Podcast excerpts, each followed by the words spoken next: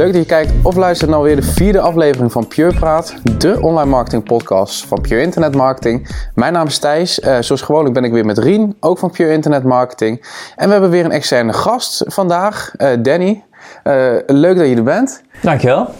vandaag gaan we het hebben over nou, data en andere dingen. Um, Stel je heel even snel voor voor de mensen die jou niet kennen. Dat lijkt me sterk als je in de marketing zit. maar, nou ja, het kan toch? Dus, uh... Nee, ja, dat klopt. Um, ja, ik uh, ben Danny Oosterveer. Ik ben actief als, uh, ja, eigenlijk als online marketeer, maar met, wel met een soort voorliefde voor data. Uh, dus ik, um, ik stond toevallig gisteravond voor een presentatie in de kerk. Maar dat was oh. eigenlijk wel bijpassend, want het is toch een beetje het evangelie van, van data voor marketeers, wat ik een beetje probeer te verspreiden. Um, nou ja, in deze setting superleuk, maar ook in de vorm van ja, boeken of dingen die ik online schrijf. Ja. ja. Ook bloggen voor Marketing Facts en andere zaken. En, en, je boek ligt natuurlijk ook hier. Uh, nou, een groot onderdeel natuurlijk uh, waarom je hier bent is uh, vanwege data en je kennis. we hebben ook een stelling bij bedacht. Zoals bij Pure Praat we dat altijd doen. De stelling die we eigenlijk hebben is online marketing kan ook zonder data.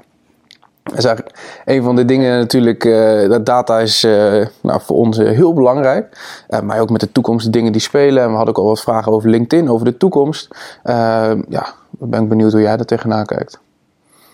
Ja, nou ja, het is uh, een actuele discussie, zullen we maar zeggen. Absoluut. Ja, het is natuurlijk in het, ja, best een gekke tijd dat, uh, ja, voor degene die dat later terugkijken, ja, het is eigenlijk net het moment dat uh, Google Analytics onder vuur ligt, omdat het niet in lijn zou zijn met de AVG. Ja, um, ja het, wordt, het is allemaal wel moeilijker geworden. ik ken sites waar heel veel gebruikers een Apple-apparaat gebruiken. Ja, die zagen ineens bezoek halveren, bij wijze van spreken. Dus ja ja, nou ja, zonder data geloof ik uiteindelijk. Uh, het misschien, maar daar geloof ik, uh, daar, nee, daar geloof ik niet, omdat uiteindelijk je wil altijd beslissingen maken op uiteindelijk ja, hoe effectief is het datgene wat je doet en wat kan ik ervan leren. dat is wat mij betreft wat, ja, wat uiteindelijk voor data gedreven marketing is en waarom dat zo waardevol is. Um, dat is ook een beetje waar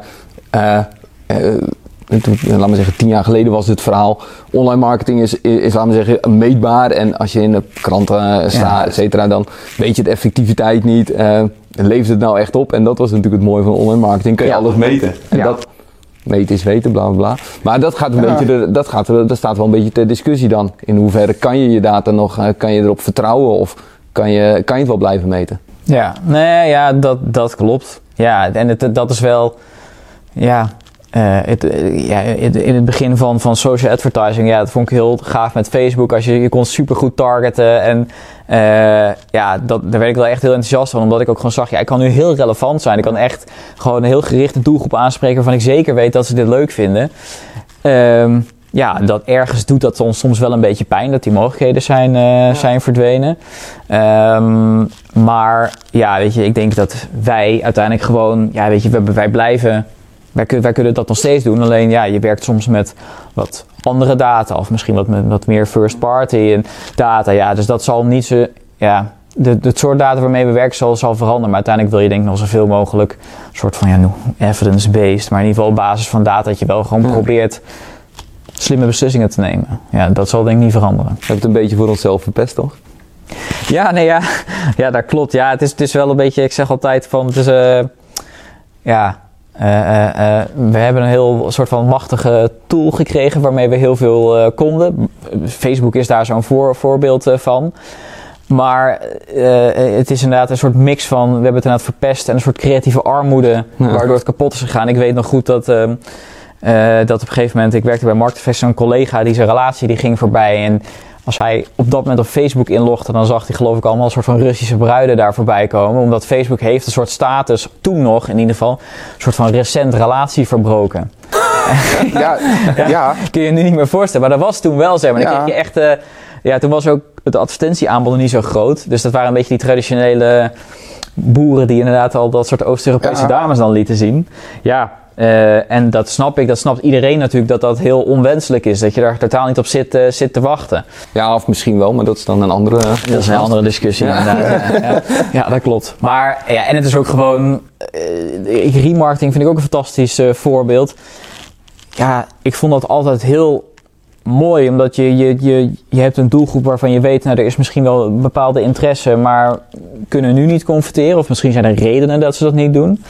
En er is op Markteffect zo'n beroemd artikel.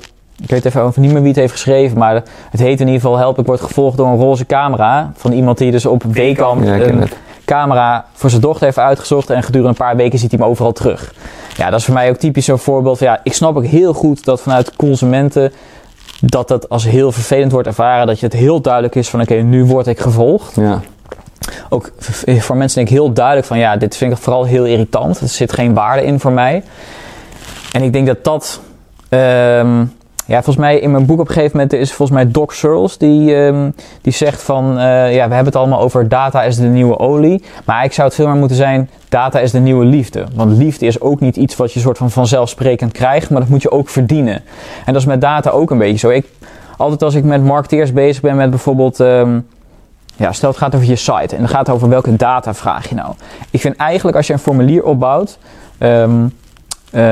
zeg maar met studenten bijvoorbeeld, me altijd ook ik vraag je naam, want dan kan ik je persoonlijk aanspreken.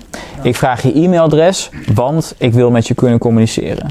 Ik vraag je, nou ja, eh, dat is al meteen een beetje zo'n dubieuze geslacht, omdat je dan misschien met een persoonlijke eh, heer, mevrouw zou kunnen aanspreken. Maar die is al misschien al, dat is typisch een voorbeeld die heel vaak wordt gevraagd, maar ook heel vaak, heel vaak niks mee gebeurt. Ja. Uh, ja, want je gaat toch waarschijnlijk met de voornaam aanspreken in je communicatie. Ja, dus maar waarom ja, heb je dus een discussie over paspoort. Ja, waarom doet dat er daar eigenlijk toe dat je geslacht daar staat? Ja. Het is niet... Niet heel veel. Nee, ja. Het is niet alsof je dan naar een andere balie moet. Nee, nee, nee, of dat je achter in een vliegtuig moet gaan zitten. nee. ja, dus um, um, ja, ik vind altijd dat je dat moet kunnen uh, uitleggen. En, ja.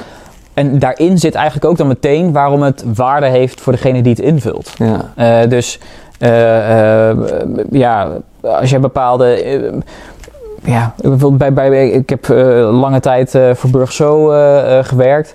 Ja, daar hebben we op een gegeven moment zaten we ook over na te denken. Nou, als je weet bijvoorbeeld waar iemand woont, nou, dan kun je op basis daarvan zou je iemand zeg maar een persoonlijke route bijvoorbeeld kunnen sturen. Dus op het moment dat je dat vertelt van waarom je het doet, nou, dan veranker je ook meteen voor mensen waarom ze dat, dat gegeven misschien wel willen afstaan. Er is meer begrip dan ook voor van, hé, hey, waarom wil je het weten? Nou, het helpt mij alleen maar. Ja. ja. En, en, en ik denk dat daar, daar zit gewoon een discrepantie in. Dat zit ook wel daar, dan kom je bij die creatieve armoede. Waar ik het over had, is dat, dat met dat retargeting, ja. ja. die roze camera. Ja, dan snap ik heel goed dat mensen zoiets hebben. Ja, ik vind het alleen maar irritant. Terwijl je zou nou ook. Ja, een beetje eng. Ja, of word je afgeluisterd. Of, uh, ik denk dat er bij een hele hoop mensen ook denkt van. Uh, een beetje onbegrip in zit waarom, hoe, hoe iets werkt, laat me zeggen. Ja. Ik, je hoort ook wel eens mensen, volgens mij word, ik, uh, wordt mijn microfoontje ja. afgeluisterd van mijn telefoon, want ik uh, opeens zie ik allemaal advertenties en ik had het er net over. Nee, dat klopt. Dat heb ik heel vaak. Inderdaad, zeker bij uh, wat grotere groepen, mensen die wat minder thuis zijn, is inderdaad, ja, en die zeggen, zijn heel overtuigd dat hun WhatsApp wordt afgeluisterd. omdat als ze het dan ergens over hebben, dan zien ze even die late advertentie. En waarbij je eigenlijk een soort van negeert van, ja, in die context is het misschien voor jou heel logisch dat je dit gaat zien. Alleen al het feit dat jij student bent bijvoorbeeld maakt dat jij bepaalde soort advertenties zal zien en niet andere. Uh, tot het punt misschien dat jij gewoon er wel op bepaalde andere punten over roept en je daar gewoon niet zo bewust van bent. Hè? Dus, dus uh, ja, alleen nou, omdat mensen het nou niet weten, ja. dan gaan ze het een beetje zo zelf uh, invullen. En het is toch gewoon een beetje wappie tijd. dus, uh, maar dat is toch ook met, uh, als je een gele auto ziet, of als je het over hebt, dan zie je ze opeens overal. Of, of politieauto of whatever. Het is altijd waar je op focust of waar je het over hebt, dan zie je het opeens overal. Klopt, maar... ja. Dat is, dat is, ja, ik, ik, maak het zelf ook. ik, bedoel, ik ben me er heel erg van bewust van al dit soort dingen. Maar elke keer verbaas ik me erover dat dat, dat selectieve perceptie, dat, dat dat inderdaad zo werkt. Dat, ik, ik hoorde inderdaad, uh, ik geloof, uh, om toch in het datavakgebied te blijven, anderhalve week geleden voor het eerst over een wrench attack in een van de chat. Ik had er nog nooit van gehoord. En, en, en, en ik geloof twee dagen later hoorde ik het in een podcast. Dan denk ik, ja, uh, hoe, hoe kan dit? Hetzelfde met B Corp. Ik had drie weken geleden nooit van dat begrip gehoord. En daarna al drie bedrijven gehoord die daarmee bezig waren. Nou ja, dus, dus de, de, dat klopt. En dat, dat is ook een beetje een soort van ja, dat is ook gewoon wel lastig te, te begrijpen. Volgens mij, is het, volgens mij is het ook zo dat die, die algoritmes, nou, die, die weten, die kunnen gewoon jouw gedrag heel goed voorspellen. Ja. En dat is wat een heleboel mensen niet snappen, is dat, het, niet, dat het geen, eigenlijk ook niet toeval is.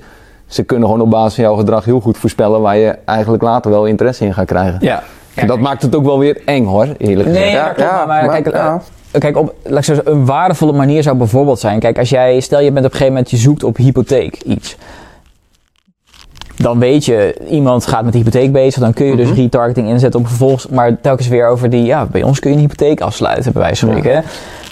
Maar je weet ook van, oké, er is een hypotheek. Nou ja, ik heb het een paar jaar geleden doorlopen. Op een gegeven moment ga je bezig met uh, uh, meubels, met verven, met uh, aannemers, met nou ja, ja, ja de schilders. tot het punt dat het steeds meer over bij wijze van spreken woonaccessoires gaat of noem het. Je kunt die redelijk, redelijk goed uittekenen. Nou, daar zou je natuurlijk prima op kunnen inzetten. Dus los van dat jij op een gegeven moment hypotheek bezig bent en daarna nog wekenlang daarmee geconfronteerd wordt, zou je ook als marketeer gewoon vooruit kunnen denken van, nou, dan is iemand daarna daarmee bezig. Dus ik ga me daarop focussen. En dat zijn natuurlijk manieren waarop retargeting wel heel waardevol kan zijn. Alleen, uh, ja, ja, dat is toch wel een beetje zo van, ja, het is denk ik toch helaas te vaak fout gegaan dat dit nu ja. zo onder druk staat. En persoonlijk denk ik, ik heb liever, um, goed, ik, ik ben natuurlijk niet de gemiddelde consument omdat ja, mijn vakgebied is, dus ik weet wel wat er gebeurt. Maar ik heb liever dat ik persoonlijke, uh, laat maar zeggen, advertenties op maat krijg dan inderdaad dingen waar ik echt helemaal niet op zit te wachten. Ja, nee, dus wat dat betreft is dat ja. best wel... Uh... Nee, klopt. Want dit, dit, je krijgt weer hele domme advertenties met dingen waar je helemaal niet op zit te wachten. Nee, ja. En dan... Doe je dat vinkje op, op je telefoon uh, naar die update van uh, iOS altijd staat toe?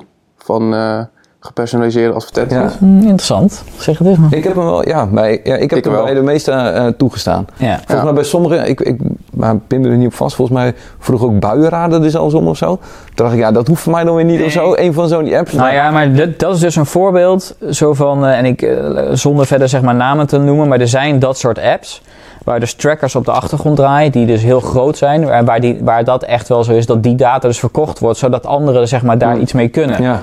ja, weet je, dat is wel heel, dat is dan toch zoiets van, oké, het afgeven van die data, zijn mensen al niet van bewust? Hoe er uiteindelijk ergens anders waarde wordt gebruikt, is ook totaal onzichtbaar, zeg maar. Dat vind ik dus een typisch voorbeeld wat dus heel erg de mogelijkheden verpest. Uh, omdat het zo'n soort slinkse manier is waarop dit wordt, uh, wordt gebruikt, zeg maar. Want uh, telefoon weet jouw data waar je bent. Nou, als die app het kan uitlezen, dan kan, kan dus gewoon jouw locatiedata gedeeld worden. Kan bepaald worden waar jij woont als jij ergens gedurende een langere tijd je bevindt. En als het dus zo'n algemeen gebruikte app als, nou, noem het categorie buienradar is, uh, die weet dat best wel goed. Ja.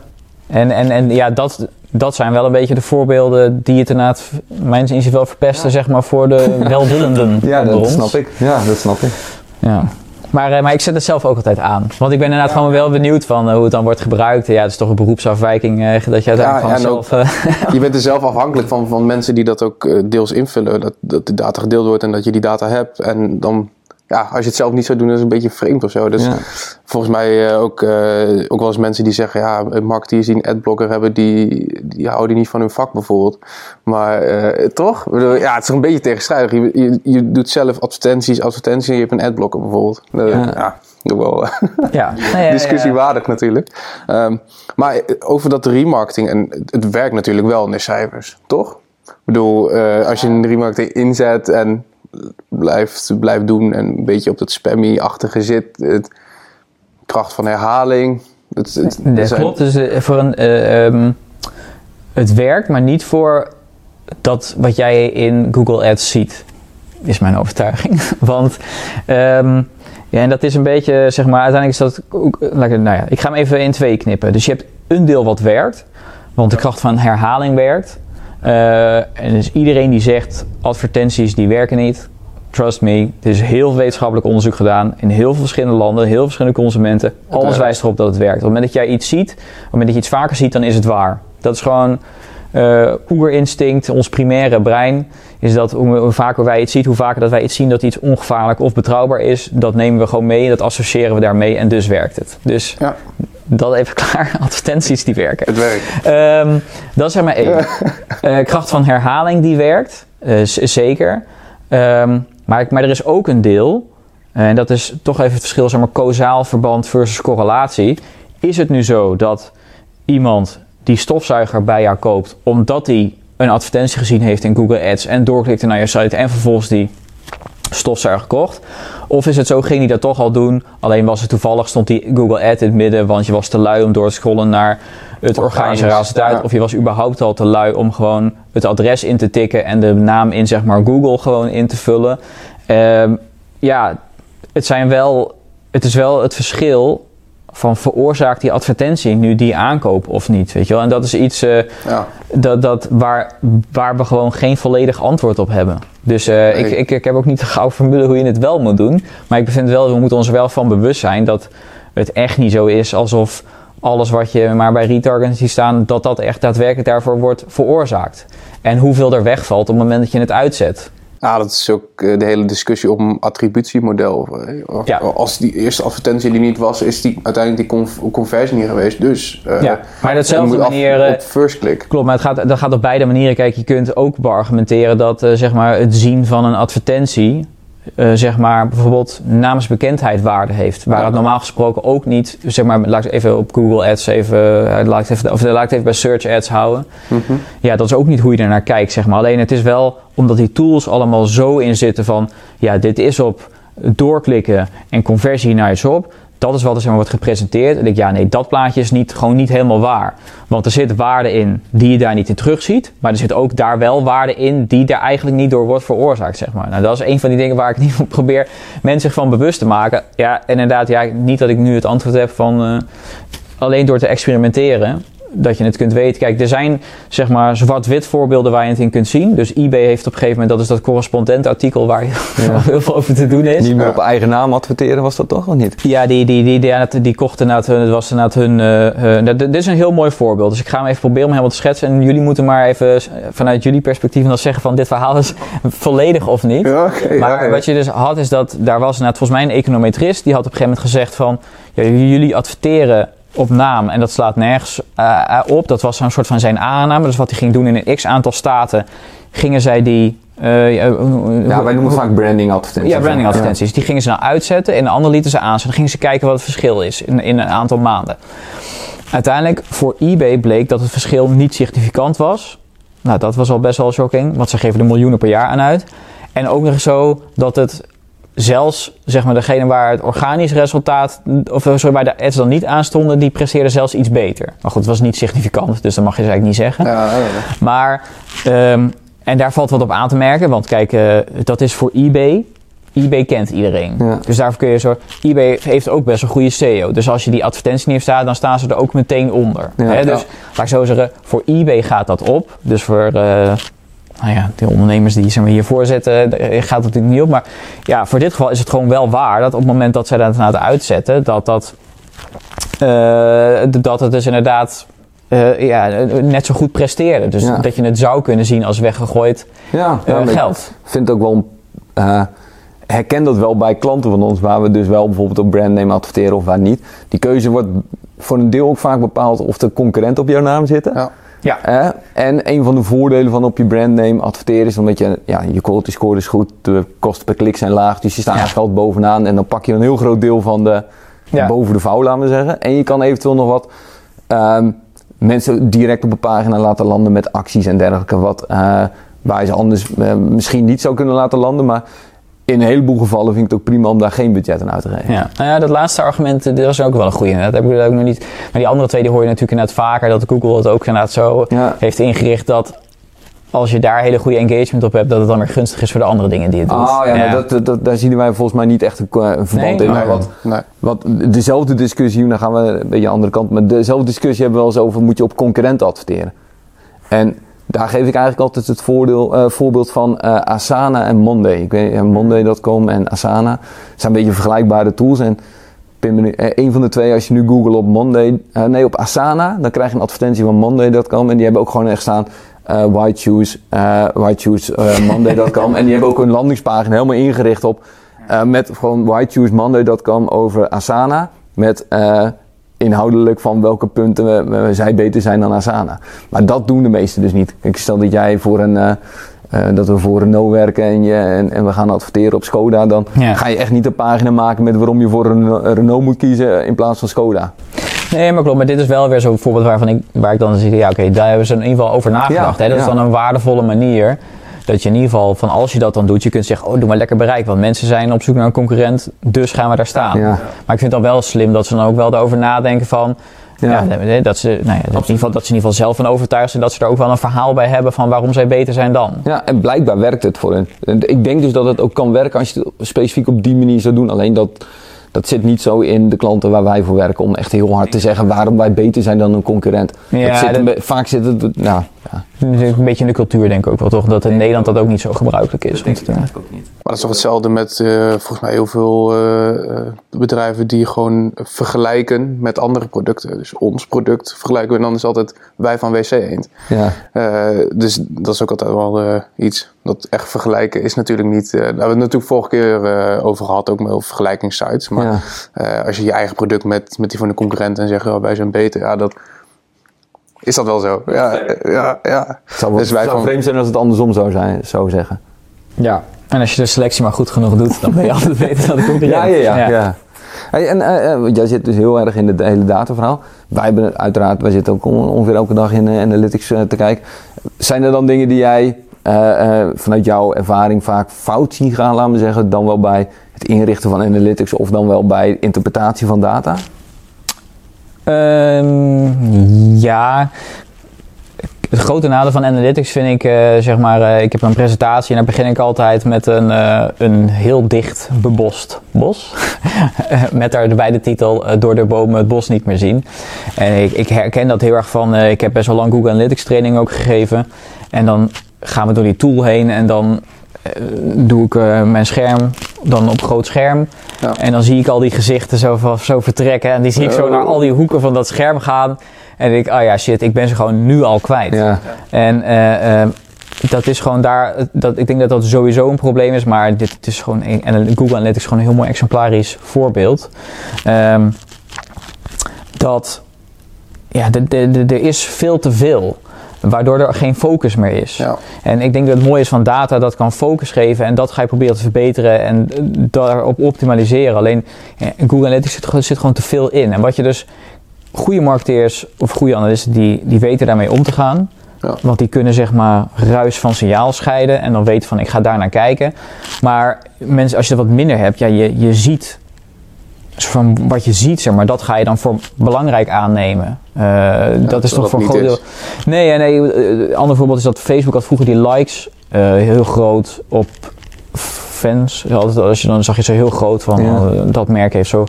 En dat op twee manieren, zeg maar, merk je van en door merken zelf, of, of en mensen die er zo bewust van zijn van oké, daar wordt blijkbaar naar gekeken en ik moet groter zijn dan de concurrentie, dus daar moet ik heel goed op scoren. Of sommige mensen gewoon onbewust.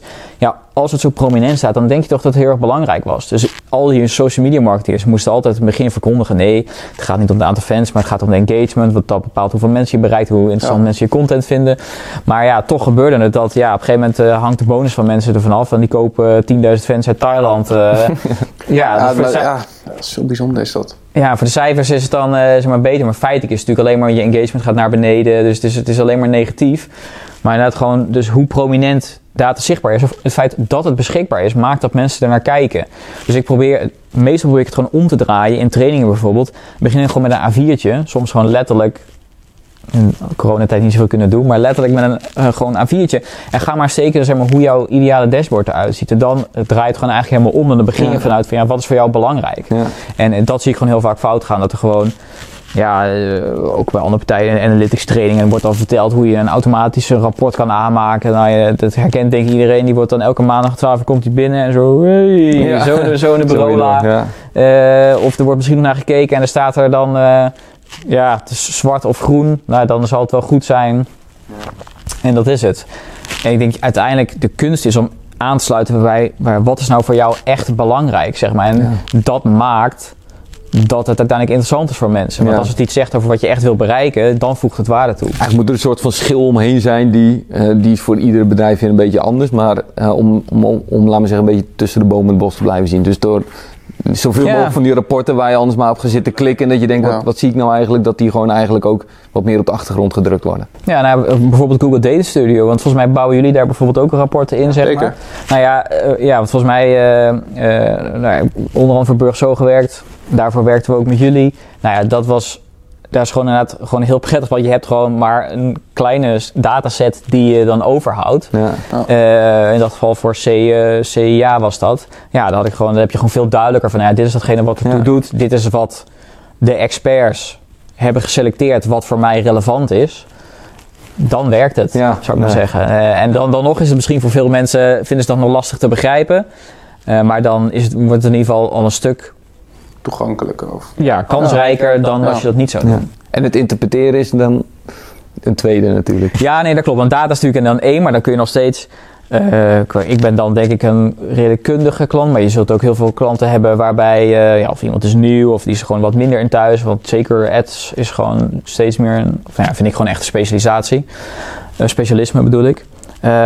dus dan is context daarin heel belangrijk. Dat iemand uitlegt van ja, waarom, wat is deze ontwikkeling nu? Wat is daar gebeurd? Of hoe moet ik dit zien? Ja, wat kan je ermee? Ja, ja, ja. precies. En, uh, en, en dat is ook, nou ja, die context is gewoon super belangrijk, maar daarvoor word je ook slimmer. Ook als klant zijn, zeg maar. Want ik denk uiteindelijk een goede samenwerking tussen bureaus is er niet dat de een de expert is en de ander die dan maar inzet, maar dat er ook een soort leerproces plaatsvindt bij de klant zou ik maar zeggen, door die gegevens, maar vooral ook door dan de context, dat je daar ook slimmer van wordt. En, en, volgens mij is dat ook in je boek, uh, volgens mij jij het, uh, is dat de hippo volgens mij die, uh, die je zo omschrijft?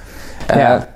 heb je daar, want dat zien wij natuurlijk ook eigenlijk een beetje, nou, dagelijks een beetje overdreven, maar dat je dat de, de klant of de ondernemer helemaal niet echt het belang daarvan inziet van echt data, of in ieder geval het niet kan interpreteren, of dat je heel veel moet uitleggen, heb je daar dan nog tips voor of zo? Om te zeggen, nou, op die manier kan je uh, het eh, makkelijker uh, laten zien wat je doet?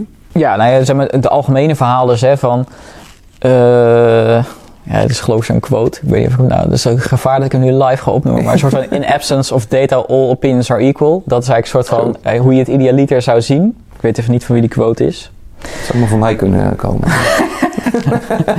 maar... Um, uh, en dat is lastig, want inderdaad, op het moment dat dat zo is, wat gebeurt er dan? Nou, dan wordt er vaak gekeken naar degene die inderdaad het hoogst in rang staat, of de hippo dus die het meest verdient. En daar wordt dan van verwacht dat hij de meeste expertise heeft. Of omgedraaid, die vinden dat zij de meeste expertise zouden moeten hebben, of het meeste baas zouden moeten spelen. Dus daarvan wordt geluisterd, of hij dwingt af dat er naar hem wordt geluisterd. Dat is dan vaak wat je ziet. Um, in de praktijk helpt het inderdaad gewoon dat op het moment dat jij inderdaad ergens verstand van hebt en dat kun, soort van kunt aantonen met data, dat je, dan heb jij duidelijk ja, een, ja, een stok om mee te slaan. Dat is misschien een beetje... maar een verhaal, ondersteunend. Ja, of... ja, je hebt wel gewoon, je kunt het ook gewoon beargumenteren. Hè? En ik denk dat dat... Uh, net anders dan zit je toch maar een beetje te filosoferen over mogelijk gedrag. En dan gaat iemand vanuit zijn eigen benadering dat... Uh, ja, ik doe nooit dit of dat. Ja. Um, en... Um, ik denk bijvoorbeeld, wat je ziet bij, uh, bij social media marketeers zie je dat vaak. Dat, um, ja, daar, omdat je daar wat eerder in de klantreis zit. Ja, je praat niet echt over verkoopcijfers dan. Dus dat gaat over klantenbinding en merkbekendheid, merkloyaliteit. Ja. Maar allemaal dingen die er een rol in spelen. Maar ja, dat zie je niet in je Facebook statistieken. Nee. Weet je wel, dus daar, daar zul je toch uh, je, daar loop je gewoon een keer het risico dat er een keer een manager of een directeur met zijn vuist op tafel slaat. Zo van, uh, ja, we slaan nou eigenlijk op wat, wat al dat geld wat we in uh, Facebook pompen. Want, wat gaat dat? Wat levert ik weet helemaal niet, ja precies, wat levert het op? Dus daar moet je wel een verhaal bij hebben. En misschien is dat gewoon hè, heel ouderwets, dat je gewoon een, een marktonderzoek doet onder niet social media volgers en degene die dat wel zijn. En dat je dan toch gewoon gaat kijken van ja, hoe, hoe ervaren zij de binding met dat merk? Uh, hoe vaak komen ze naar jouw winkel of locatie? Uh, zijn ze lid van je geworden? Ik noem maar iets. Hè. Dus ja. ja. het is niet sexy en het is ook duur. Het is puur om het wat tastbaarder te maken voor iemand en die er weinig verstand van En heb je wel een keer bewijs dat het ook daadwerkelijk gewoon zo, uh, zo werkt. ja. Ja, wel interessant. Maar als we het nog weer terug hebben over, uh, over data en, Google Analytics en, en weet ik het allemaal. Uh, Google Analytics 4 is natuurlijk uh, uitgebracht en nou, dat wordt een beetje de toekomst. Maar wat je daar ook wel ziet, en ik denk dat Google dat ook wel ziet, is dat er veel minder standaard rapporten zijn. En eerst had ik zoiets van, dat is vervelend, want je bent gewend. Je kan uh, bijvoorbeeld naar uh, landingspagina kun je heel makkelijk op klikken. En dan kun je een secundaire dimensie toevoegen. En je kan nog een segment toevoegen. En het is helemaal heel makkelijk. Maar ja, ik ben natuurlijk iets geavanceerder in dan misschien andere mensen. Maar voor Google 4 moet je veel beter van tevoren nadenken van... hé, hey, wat wil ik nou voor data zien? En dan moet je zelf een beetje dat rapportje gaan bouwen... en dan ben je veel bewuster bezig en ook die focus aan het aanbrengen... wat jij dan net ook al zei, dus dat is ook wel interessant. Ja, dat is ook wel...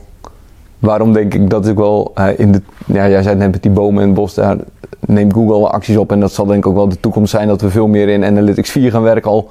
Zie ik die adoptie bij onze klanten ook nog niet heel erg. Uh, die, uh, Speelt nog niet. zijn er nog niet super mee bezig. Er waren trouwens ook gelijk uh, vragen die. een beetje richting de toekomst op LinkedIn. waren er wat vragen binnengekomen over. Ja, sowieso de toekomst van data. Daar hebben we het al voor een deel over gehad. Hoor. Maar ook over. Um, volgens mij was Theo de vraag stelde over het verbod op analytics. En weet Google niet altijd wel een workaround te vinden. En Lars die stelde een vraag over server-side tagging. Dat dat de toekomst is voor ja, het verzamelen van data. Ja. Heb jij daar een hele.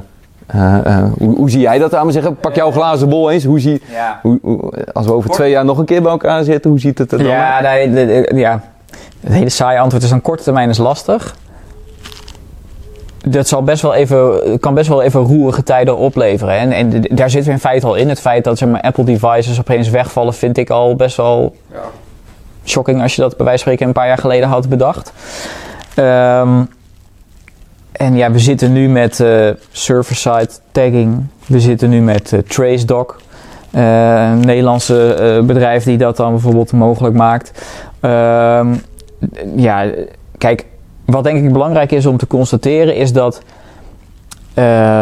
wat denk ik uiteindelijk de wens is, dat als jij ergens klant bent of ergens binnenkomt, dat je het denk ik wel oké vindt dat jij jouw data verzameld wordt door die partij, maar dat er niet een derde is die jij niet ziet, die misschien in een heel ander land, heel ander continent, wat letterlijk bij Google Analytics gebeurt, dat daar die data heen gaat. Ja, dat snap ik wel. Dus ik denk wel dat, en dat is natuurlijk ook een beetje het third-party cookies, derde partij die iets doet. Ja daarvan snap ik wel dat we daar ook van terug willen komen. En dat we veel meer first party, dus je verzamelt zelf je data, dat we daar naartoe gaan.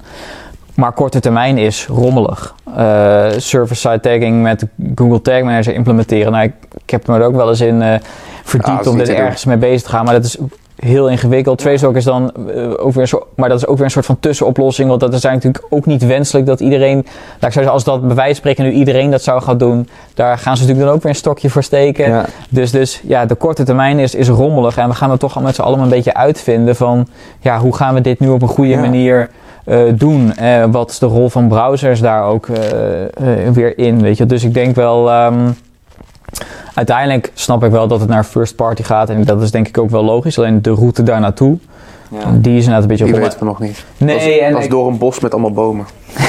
Goeie beeldspraak.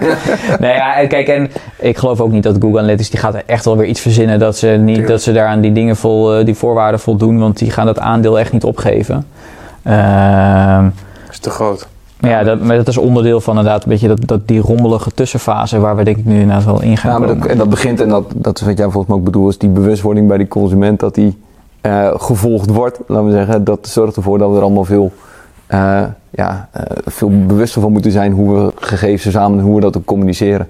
Want inderdaad, ik vind het helemaal niet vreemd dat als ik ergens een aankoop doe, dat daar mijn gegevens verzameld worden. Maar uh, laten we de categorie buienraders toch nog maar gebruiken, dat die dan mijn gegevens verkopen, omdat ze dan uh, weten vanwege mijn locatie waar ik woon.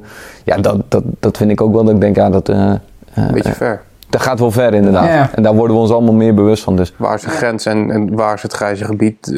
daar zitten we nu denk ik een beetje in. Ja, en kijk, en het is ook gewoon voor een deel. En, en weet je, ik, ik heb voor een deel is het ook gewoon inderdaad een infrastructuurprobleem. He, dus jij, jij komt op marketing facts, of jij komt op een site die op een advertising model draait.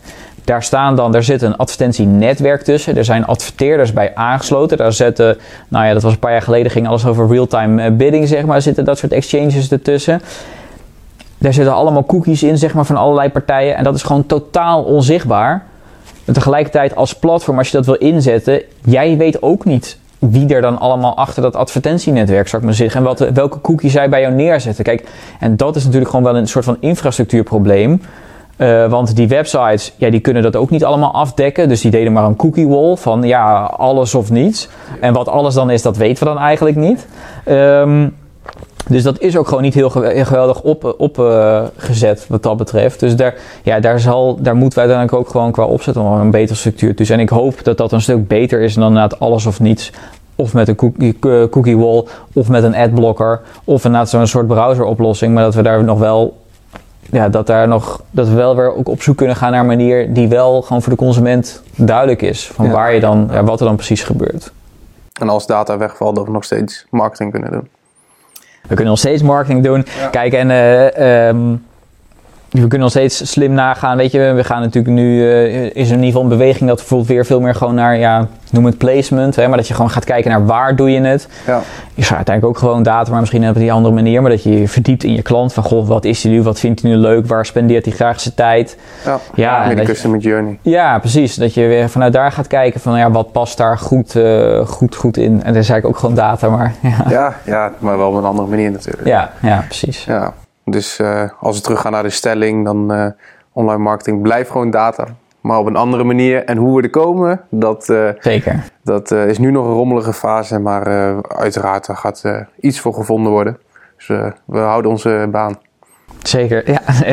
we gaan gewoon door hoor. ja, ja, leuk. Nou, Danny, hartstikke bedankt voor al je waardevolle input, voor je verhalen. Uh, voor de mensen die geïnteresseerd zijn in meer databedreven marketing is natuurlijk het boek. Die zal ik in de site, uh, in, in de notes, in de tags en overal waar je hem kunt halen. Ehm, voor nu bedankt voor het kijken of luisteren. En we zien jullie graag weer een, een volgende keer terug. Doei!